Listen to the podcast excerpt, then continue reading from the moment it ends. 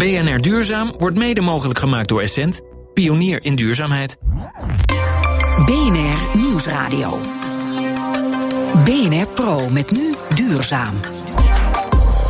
De nieuwe tv-zender Ecoland TV gaat 24 uur per dag uitzenden. Over duurzaamheid ga ik zo over praten met oprichter Rob Overman. En hoe groter de milieuschade, hoe hoger de belasting die je zou moeten betalen voor kip, vliegtuig, tickets, t-shirts. En schrijver en ondernemer Rob Overman die voert nu actie voor een internationale ecobelasting. Mark Beekhuis. En we beginnen natuurlijk zoals altijd met het nieuws van Mark Beumer van duurzaambedrijfsleven.nl. Mark, Shell krijgt een flinke tik op de vingers van beleggers. In Londen komt een nieuwe index, een beleggersindex, met alleen maar duurzame aandelen. En gasbedrijven, die komen daar niet in. Die worden op één hoop gegooid met de olie- en kolenbedrijven. Dat zullen we bij Shell vast niet leuk vinden. Als uh, Brits en uh, ook wel Nederlands bedrijf uiteindelijk. Mhm. Wat voor milieuactivisten zitten er achter die index? Geen milieuactivisten, hè? Nou, ook wel een, een milieuorganisatie, een Amerikaanse milieuorganisatie. Maar ook een van de initiatiefnemers is BlackRock, wat de grootste institutionele belegger ter wereld is. Dat is gewoon hebben, het grote geld, niet meer dan dat. Nee, die hebben 4000 miljard uh, dollar onder hun uh, hoede. Ja, dus als die zich uh, in dit soort duurzame aandelen indices gaan mengen, dan is er wel iets aan de hand. Ja, en we hadden natuurlijk al wel zo'n soort duurzame index. Ik dacht uit Amerika. Mm -hmm, ja. Lijkt, is deze weer wat weer een stapje verder dan de vorige? Mag je het ja, zo zeggen? Ja, nou, de index waar jij aan refereert, dat is de Dow Jones Sustainability Index. Ja. Dit is de, een, waar hierachter zit de FTSE groep. Dat is ook van de FTSE 100, de Londense AEX-index eigenlijk. Um, ja, en deze is inderdaad weer net iets strenger. Uh, waarin de Dow Jones Sustainability Index nog wel uh, fossiele links te vinden zijn. Er zitten ook wel relatief goede fossiele bedrijven in of leveranciers aan de fossiele industrie. Hier worden die echt volledig geweerd. Alleen maar niet fossiele aandelen. En wat je zegt, wat wel heel opvallend is, is dat er ook geen gasbedrijven in zitten. En in de duurzaamheidsbeweging wordt gas toch nog wel gezien als, ja, dat heeft nog wel een rol als energie, als transitiebrandstof. Ja, weg uh, ja, van dus de olie en kolen, maar dan nog niet helemaal op wind Precies, en zon kan je ja. gas, want beter. Ja, maar want, niet goed genoeg dus meer. Nee, en dat is dus wel een heel duidelijk signaal dat uh, echt in de toekomst, er mogen twee derde van alle fossiele reserves mogen eigenlijk niet uit de grond worden gehaald als we die opwarming van het klimaat een beetje willen beperken. Dus geen rol voor kolen, geen rol voor olie en dus ook geen rol voor gas. Oké, okay, dan een ander bericht wat hierop lijkt, nee, haaks hierop lijkt te staan, mag ik eigenlijk beter zeggen. Schiphol is een van de groenste luchthavens van de wereld. Maar dat gaat dan vast niet over het vliegen, want dan zit je meteen in de, in de kerosinedampen. Ja, ja, inderdaad. De, de, de grote impact van het vliegen zit natuurlijk in, de, in het verbranden van kerosine, dus in de vluchten zelf echt. Maar Schiphol heeft toch een, een pluim gekregen voor zijn eigen operaties. Uh, het afhandelen van de bagage, zullen we maar zeggen. Uh, het, het winkelcentrum eigenlijk. Het, het Schiphol is toch vooral een groot winkelcentrum. Ja, ja, ze hebben een heel ambitieus CO2-reductieprogramma opgezet. Dat is bijvoorbeeld concreet gemaakt door uh, wagens op biodiesel te laten rijden. Veel meer LED-verlichting, binnenkort ook op de landingsbanen. En wat ik persoonlijk wel heel mooi vind, elektrische taxis van Tesla, wat echt fantastische auto's zijn. Dus daarmee wordt de vakantiepret alleen nog maar groter. Is het meer dan greenwashing? Is het ook, is het ook echt iets waard? Het is een certificaat van de ACI Europe. Dat is de Europese brancheorganisatie voor luchthavens. Die hebben hun eigen duurzaamheidscertificaat opgezet. Nou, Schiphol krijgt daar 1, 2, 3 sterren en een plusje voor. Dus ik denk dat dit wel wat waard is. Het is echt iets. Dan, Amerikanen hebben ontdekt dat wij hier in Nederland een bedrijf hebben... dat iets heel interessants aan het doen is. Hmm. Kleding wassen met CO2. En ik was met het zelf thuis toch niet zo van bewust dat ik kleding aan het was was met CO2. Ik doe dat gewoon met poeder nog steeds. Ja, ja, ja, ja. maar uh, als particulier doen we dat inderdaad gewoon met uh, wasmiddel dat we kopen bij de supermarkt.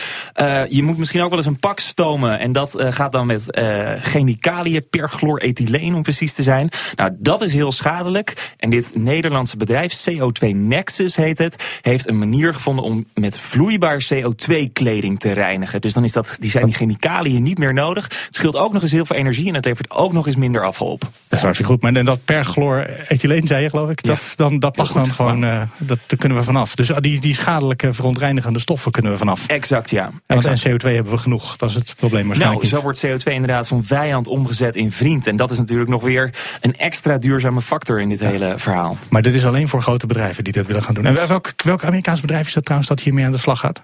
Uh, dit is Patagonia, dat is een outdoor kledingbedrijf uit Amerika. Iets bekender ook in Amerika dan in Europa. Maar ze hebben wel enige naamsbekendheid voor met een, een behoorlijk uh, radicale advertentie die ze twee jaar geleden hebben in de krant hebben laten plaatsen. Dat is een heel grote jas van zichzelf met daarboven de tekst: koop deze jas niet, don't buy this jacket.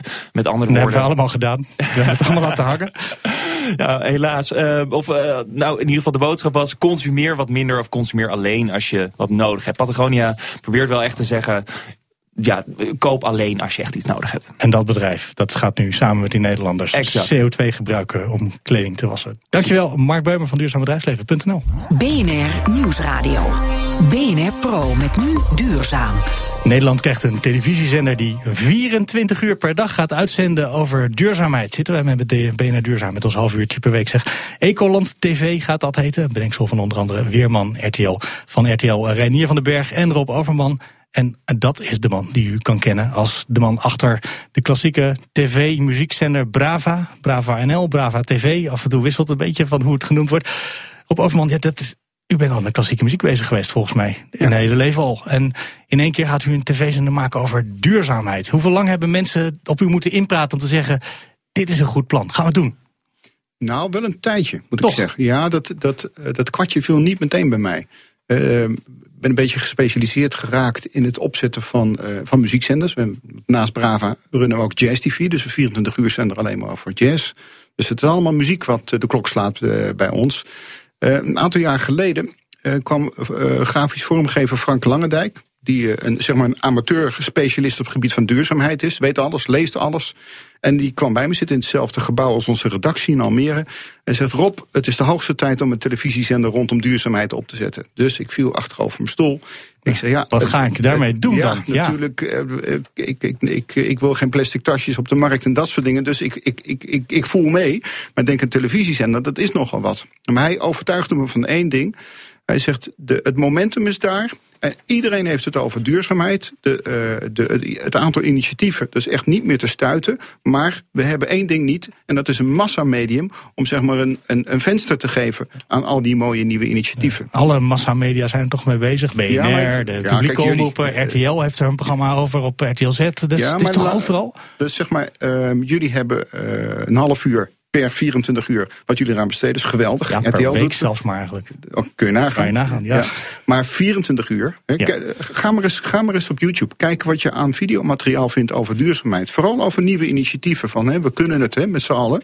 Ja, je wordt overstelpt. Dat kun je in een levenstijd kun je dat niet eens allemaal bekijken. Nou, daar willen we een soort van filter overheen gooien. Dat willen we mooi gaan verpakken. Een gids eroverheen. En dat aan een groot publiek presenteren. Ja, want wat voor soort programma's krijgen we te zien? Gaan jullie Amerikaanse documentaires Of gaan jullie hier interviews zelf maken? Wat voor soort televisie wordt het? Nou, het wordt, uh, het wordt uh, redelijk breed samengesteld. Uh, natuurlijk willen we al die schitterende TED-lezingen willen we gaan uitzenden. we willen prachtige films inkopen. We willen eh, documentaires inkopen. We hopen dat net als bij onze andere zenders, de muziekzenders, dat pro uh, producenten gaan opstaan en speciaal voor ons programma's gaan maken. Maar we gaan natuurlijk alles heel leuk laderen met korte interviews, nieuwsitems, een duurzaamheidsweerbericht voor Renier van den Berg natuurlijk. Wat is een duurzaamheidsweerbericht? Nou, ja, dat je kijkt 19 graden of niet? Ja, maar kijken wel wat de gevolgen zijn voor, ons, voor onze planeet. Hè, met temperatuurstijging en al dat soort dingen. Er valt heel veel over ecologie en over economie in, in de relatie tot elkaar te vertellen. En dat in een weersjournaal. Ja, is dat ook de reden dat het ecoland heet? Omdat dat economie en ecologie allebei daar nog... Ja, wij vinden dat economie en ecologie in een eh, hele mooie balans met elkaar moeten samenleven. En dat is een van de redenen waarom we de zender hebben opgericht. Ja, en je zei al, Renier van den Berg, die zit ook in het project. Die gaat een redelijk belangrijke rol krijgen, begreep ik. Ja, hij wordt onze anchorman. Eh, hij is, uh, kijk, de, de RTL-kijkers kennen hem allemaal van het, van het RTL-nieuws. Maar wat heel veel mensen minder van hem weten, is dat hij een groot specialist is. Hij is eh, van beroep oorspronkelijk klimaatwetenschapper, toch? Ja, ja. precies. En... hij neemt mensen mee naar de Noordpool voor expedities, eh, vertelt, uh, vertelt wetenschappers en hij vertelt mensen uit bedrijfsleven over wat er allemaal gaande is. En uh, het leuke is dat we hem hebben ontmoet via Twitter. Want uh, we waren aan twitteren over ons initiatief. En hij meldde zich en zei, mag ik meedoen? Ja, dat doen we natuurlijk. Nou, dan mag dat natuurlijk dat wel. mocht natuurlijk heel erg graag. Dus na twee gesprekken was duidelijk... moeten twitteren, dat is toch... Ja, Hij moest onze anchorman worden. Ja, dat snap ik. Um, dan blijft natuurlijk, want Brava maakt hartstikke veel geld, als ik het goed begrepen heb. Maar hoe Nou, gaat dat dan straks met die nieuwe zender? Nee, maakt Brava geen, Nee, geen wij, zijn, winst? wij zijn een commercieel bedrijf. Ja. En eh, we zijn En- gelukkig winstgevend, anders konden we niet bestaan. Ja, niet maar we zijn natuurlijk niet, eh, we zijn geen groot geen mediabedrijf. John de in Mol zijn. Maar, nee, nee. Maar die, die nieuwe zender, want dat lijkt me nog veel moeilijker. Er zijn wel heel veel mensen enthousiast bezig. Maar dat zijn toch ook vaak kleine initiatiefjes die gewoon Ja. eh, een windmolen doen. Ja. Daar blijven geen budgetten over om gewoon een PR-afdeling en televisieprogramma's te laten produceren. Nee, maar als je ziet hoeveel mensen bereid zijn om toch te doneren voor kleine initiatieven. Ja, zoals Nederland het initiatief Nudge, hè, dat kennen we waarschijnlijk allemaal. Dat je dat je een klein Ja. groen stipje op de landkaart kunt plaatsen. Er zijn 32.000 nudgers alleen al in Nederland. Mensen die actief betrokken zijn bij duurzaamheid. We hebben door, eh, door Jan Rotmans laten uitrekenen... 250.000 Nederlanders zijn bereid om geld op tafel te leggen... om te helpen bij duurzaamheid. Maar En- Jan Rotmans is wel altijd heel erg enthousiast over alles. Dus als die uitrekent dat er 250.000 mensen... Ja, die- die, die gaan, niet allemaal, gaan die ook allemaal kijken dan elke avond? Of één keer in de Natuurlijk, ze week? gaan allemaal kijken. En, Ja, maar ze gaan hopelijk ook, want we hadden het over het businessmodel. Ze Ja. gaan ook op- hopelijk een kleine bijdrage leveren, zodat we op basis van leden een stuk inkomsten krijgen. Daarnaast hebben we natuurlijk ook advertising, zoals jullie dat ook doen. Ja, we zullen sponsoring ons zal er ook nog wel bij komen. Er zullen founding fathers bij. het bedrijf. Met al die partijen zijn we nu aan het praten. En in de optelsom wordt het geen vetpot, maar kunnen we wel een televisiezender draaien. En dat is op zich wel heel wat natuurlijk. Eh, nou, volgens mij is dat precies wat onze planeet nu nodig heeft. Ja, en dan heb je het geld en de middelen en een kanaal. Dat zal vast met de kabelbedrijven nog wel te regelen zijn. Er is Ja. nog wel ergens iets vrij. Ja. Maar 24 uur per dag televisieprogramma's over duurzaamheid. Het lijkt mij qua inhoud een opgave. En als kijker lijkt het mij misschien ook wel veel. Ja, er is sowieso ook niet één kijker die, eh, die de hele dag naar Nederland 1 kijkt of naar RTL 4. Dat En kan maar- ik me nog voorstellen. Misschien dat het bij National Geographic alweer moeilijker wordt. Dus het is, wordt natuurlijk een themakanaal. Dus Het wordt waar je een uurtje naar kijkt en dan weer eens iets anders gaat doen. Ja, er, wordt natuurlijk veel, veel gezet bij, bij themakanalen. Kijken wat we leuk vinden. Wij gaan beginnen met drie uur unieke programmering per dag. Dat is al heel veel voor een beginnend eh, themakanaal. Dat zetten we dan in een loop. Hè, dus dat laat Zet je je acht begin- keer uit, heb je Zet acht 24 keer uur. uit. Ja, en net als bij onze Brava en Jazz TV-zender... zal dat binnen drie jaar zal dat zijn omgebogen naar 24 uur unieke programmering. Dat is hartstikke veel. Ja, maar dat is het. 24 uur nieuwe televisie per dag. Niet, nooit nieuw. Je, gaat, je doet heel veel aan, aan uitzendingen in een andere verpakking. Hè. Dan zet je het in een ander thema. Want elke avond krijgt een thema bij ons. Hè. Het wordt de ene dag is gezondheid, volgende dag is het afval. En we zorgen dat we heel veel eh, mooie en vooral ook leuke thema's eh, gaan behandelen. En je kunt bepaalde eh, programma's kun je laten terugkeren hè, in verschillende gedaantes. Dus het is ook slim omgaan met het materiaal wat je naar binnen hebt gehaald. Ja, en is er dan ruimte voor kritische interviews? Want er is natuurlijk heel, als je hebt over nudge, en dat zijn allemaal mensen die strijden voor een betere wereld. En nou ja, Jan Rotmans is er ook zo een. Maar af en toe zijn er natuurlijk gewoon ook moeilijke vragen te stellen aan bedrijven die greenwashen of die iets anders doen, die misschien juist hele goede sponsors zouden kunnen zijn.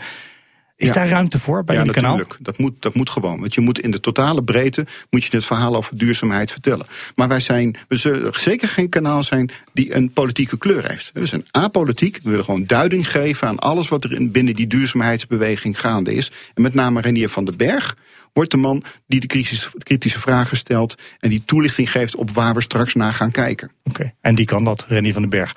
Dank, Rob Overman, oprichter van Ecoland TV, uit te zenden vanaf 10 oktober, zeg 10 ik uit het oktober, de dag van de duurzaamheid. Dat is de dag van de duurzaamheid. Nou, dat is een fantastische dag. Eh, maar daar moet ik nog heel eventjes op wachten. Dank voor nu. Als u nu iets koopt en u wilt misschien dat het duurzaam is... dan is dat meteen ook duurder en je hebt bovendien minder keus. Maar schrijver en ondernemer Erik Broekhuizen die heeft een plan dat werkelijk alles gaat veranderen. BNR Nieuwsradio. Verstand van zaken. Duurzaam. Er moet een internationale ecobelasting komen op alle producten en diensten. En hoe groter de milieuschade, hoe hoger ook die belasting dan moet worden... die je gaat betalen voor aardappelen, mobieltjes, benzine. Dat is in elk geval het pleidooi van ondernemer en schrijver Erik Broekhuizen... die het boek De Vergeten Oplossing heeft geschreven nu. En welkom in de studio. Ja, eh, dat is natuurlijk, als je dan dat in rekening gaat brengen, die eh, schade... kan je dat altijd uitrekenen? Dankjewel Mark voor de, de introductie. Uh, ja, je kunt dat uitrekenen. Daar zijn meerdere methoden voor. Deze staan ook genoemd in mijn boek, De Vergeten Oplossing. Uh, de methode waarvoor ik gekozen heb is ontwikkeld door de TU Delft onder leiding van de heer Vochtlender. Ik heb voor deze methode gekozen omdat deze relatief nauwkeurig is en omdat deze transparant is en dus ook voor iedereen openbaar is. Oké, dan vertel even hoe dat werkt dan. Want als je, ik, ik ga dus voortaan aardappelen kopen, ga ik naar de supermarkt. En uh, hoe weet de supermarkt wat nou de ecologische schade is van een pak aardappelen, een kilootje? Ik denk dat als je dat aan de supermarkt vraagt, dat hij daar uh, geen antwoord op kan geven. Dit zijn uh, sommen die wel door specialisten gemaakt moeten worden. maar daar zijn meerdere methoden voor, zoals ik al zei. En het belangrijkste is eigenlijk dat je niet zozeer welke methode je kiest, maar eigenlijk dat er een norm wordt gehangen aan elk type van milieuvervuiling, zodat je er een prijskaartje aan kunt hangen. Ja. En Zodra die norm eenmaal bepaald is, dan kan ook van elk product de werkelijke prijs bepaald worden. Ja, want wat wij nu in de winkel betalen, dat is de strekking van je boek, is niet de echte prijs. Dat is een prijs die we zomaar een beetje ja, onderling geregeld hebben. Ja, dat klopt. Eh, de prijs die we, die we nu betalen, uh, dat is niet de, de, de prijs die uh, een product die de samenleving het kost, heeft gekost. Uh, de echte prijs die een product kost, bevat behalve de zichtbare kosten ook de verborgen milieukosten van een product. Nee, de verborgen milieukosten. weten we dat natuurlijk ook wel, toch? Dat er gewoon er, er, gaan, er wordt schade berokkend. En we, halen, we, we maken uh, milieu kapot door uh, landbouw, gif, dat soort dingen. Dus de, de truc is dan toch om, ja, iets, om dat in te voeren, wat je nu zegt. Daar gaat natuurlijk het boek ook over. Hoe gaan we dat in hemelsnaam aanpakken? Um, nou, op de eerste plaats, zoals ik net al zei, om uh, te zorgen dat er een norm komt om uh, van elke vorm van uh, verborgen milieukosten, om daar een prijskaartje aan te hangen. Jawel, jawel, maar, maar in de praktijk, want dan hoe krijgen we die kassa bij de supermarkt zo gek dat ze dat, in, dat, dat in de prijs terechtkomt? Uh, dat kan door, uh, of dat zullen we uh, voor elkaar moeten krijgen door in elke fase van de productie van zo'n product, het gebruik van het product en het afdanken van het product, de kosten, de, de, de, de de verborgen milieukosten in rekening te brengen bij die partijen, zodat die partijen ook de prikkel krijgen om die kosten terug te dringen. Ja. En dat klinkt zo simpel. En dan heb je de boze buitenwereld buiten deze studio. En dan heb je al die grote bedrijven die eigenlijk denken... nou, als ik het goedkoper kan maken, ah, is wat schade... maar die, die kan je mij niet aanrekenen... want we weten niet eens precies wat dat kilootje aardappelen nu uh, precies voor schade. Dus hoe gaan we zo'n bedrijf uh, zo gek krijgen... dat ze die kosten mee gaan rekenen?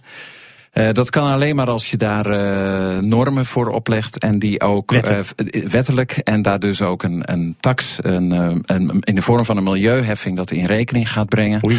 Uh, en dat uh, betekent dus dat iedere uh, schakel in de keten van de productie van zo'n van zo'n artikel ook die heffing krijgt opgelegd. En daardoor ook de prikkel krijgt, de incentive krijgt om die kosten, die verborgen milieukosten, terug te dringen. Ja. En daar kan denk ik niemand tegen zijn, behalve minstens de grootste partij in onze regering bijvoorbeeld. Om maar iets heel praktisch te noemen.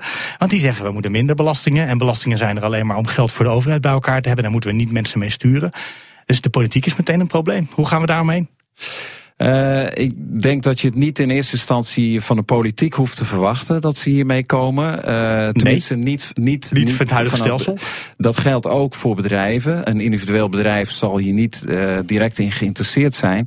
dat betekent dus dat uiteindelijk het initiatief zal moeten komen van de mensen die zeggen van het is nu mooi geweest. Uh, natuurlijk uh, uh, is dat een bepaalde groep mensen die op korte termijn, die, die verder kijken dan, dan de korte termijn. En die zeggen mhm. van, luister, we zitten, we zijn nu op weg naar een economie. Die steeds verder schade berokkent aan het milieu. En daar moet wat aan gedaan worden. En, uh, maar goed, dan zou, mensen... het gaat best goed met GroenLinks de laatste tijd, denk ik. Als je, want dat is ongeveer het verhaal waar je in de richting zit. Met, maar het gaat niet zo goed met GroenLinks dat ze zelfs maar een kwart van de Eerste of de Tweede Kamer bij elkaar harken. Of het Europese parlement. Dat, dat, dat, daar wordt nog steeds een relatief kleine fractie. Dus we moeten toch langs de politiek op de een of andere manier. Nou, ik denk dat je het niet zozeer moet zoeken in een, een bepaalde politieke stroming of een bepaalde politieke richting. Het gaat eigenlijk om de, de groep mensen, en dat zijn er steeds meer, die zien dat we met onze economie op een doodlopend spoor zitten. Op de korte termijn lijkt het nog wel of het goed gaat, maar ieder die daarover wil nadenken, die ziet dat we bezig zijn om onze kinderen een stuk van hun toekomst af te nemen. Ja, maar ja, um, ik kan nu op vakantie naar uh, Japan vliegen. Of ik kan rekening houden met drie generaties namen. Dat is een hele ingewikkelde keuze als ik nu een vliegticket kan boeken. Nou, de vraag is of het nog drie generaties duurt uh, voordat we de effecten gaan merken voor uh, de roofbouw die nu gepleegd wordt. Hè, de brandstofvoorraden die opgemaakt worden, de vervuiling van onze natuur, onze oceanen. En de afval die we in hoog tempo produceren, waar we niets meer mee kunnen. Ja, en alles in het boek heeft iets positiefs. Maar ik voel nog steeds niet helemaal dat gaan redden. En ergens halverwege zit er een heel praktisch plan. Laten we het in de BTW versleutelen.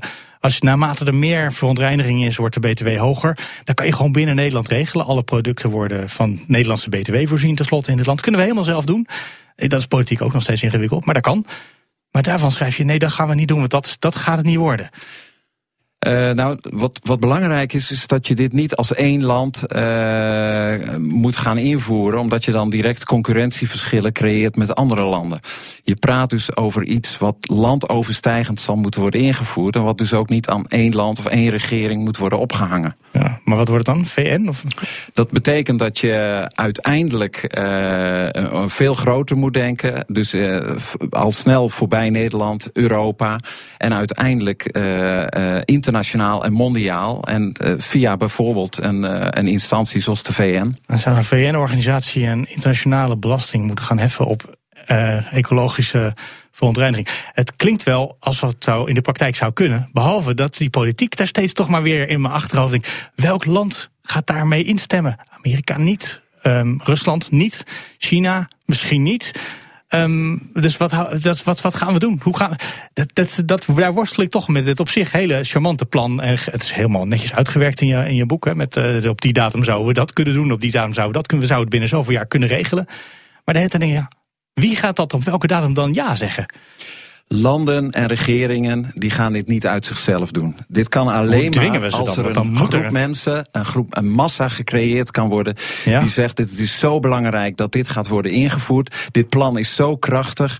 Dit idee is zo goed. Het idee is uh, goed. Dit willen wij. Maar ik zie de massa buiten stemmen, nog niet marcheren de stemmen daarvoor die ben ik aan het verzamelen. Ik heb daarvoor een website gebouwd, die uiteraard heet vergetenoplossing.nl. Door middel van deze stemmen wil ik in zo kort mogelijke tijd een grote massa aan stemmen creëren.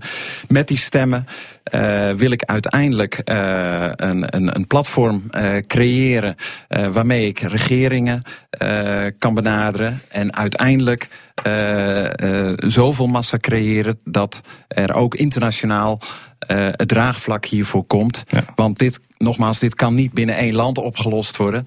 Dit moet uiteindelijk gedragen door een draagvlak van mensen die allemaal hun stem hebben afgegeven. Hoeveel, hoeveel mensen hebben er als nee? Zitten er prominente, belangrijke mensen die al uh, het boek steunen, het project steunen? Want het is belangrijker dan het boek zelf. Ja, nou, ik, uh, ik ben pas net begonnen. Hè. Het boek is pas zes weken uit en uh, de steun begint te groeien.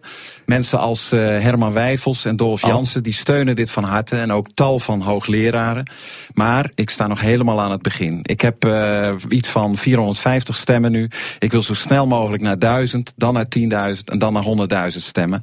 Ik wil de massa creëren en daarna ook snel naar het buitenland. Ja. Want uiteindelijk is, is het wil ik zoveel massa creëren dat de regeringen wel moeten luisteren. Is het boek al vertaald naar het Engels, naar het Frans, naar het Chinees? Uh, dat zit in de pijplijn. Ja. Maar zoals ik al zei, het boek is net uit. En ja. uh, dit is een van de volgende stappen. Het is een heel ambitieus plan om de hele wereld eigenlijk te verbeteren. Ik wens je heel veel succes bij, maar ik voel nog een beetje... Nou, ik weet het nog niet helemaal. Dankjewel, uh, Mark. Ondernemer en schrijver. Ja, nogmaals, geef je stem en bezoek ja. devergetenoplossing.nl. Uh, en daarvoor kan u misschien ook wel terecht op onze eigen website bnr.nl slash duurzaam. We zijn uiteindelijk gekomen van BNR Duurzaam op de radio. Maar op de website zijn we er natuurlijk altijd. U kan ons mailen, u kan ons twitteren. Mijn naam is Mark Beekhuis. Dank voor het luisteren. Wil je BNR Duurzaam beluisteren wanneer het jou uitkomt? Download dan de BNR-app. Want daarin recyclen we al onze programma's. BNR Duurzaam wordt mede mogelijk gemaakt door Essent, pionier in duurzaamheid.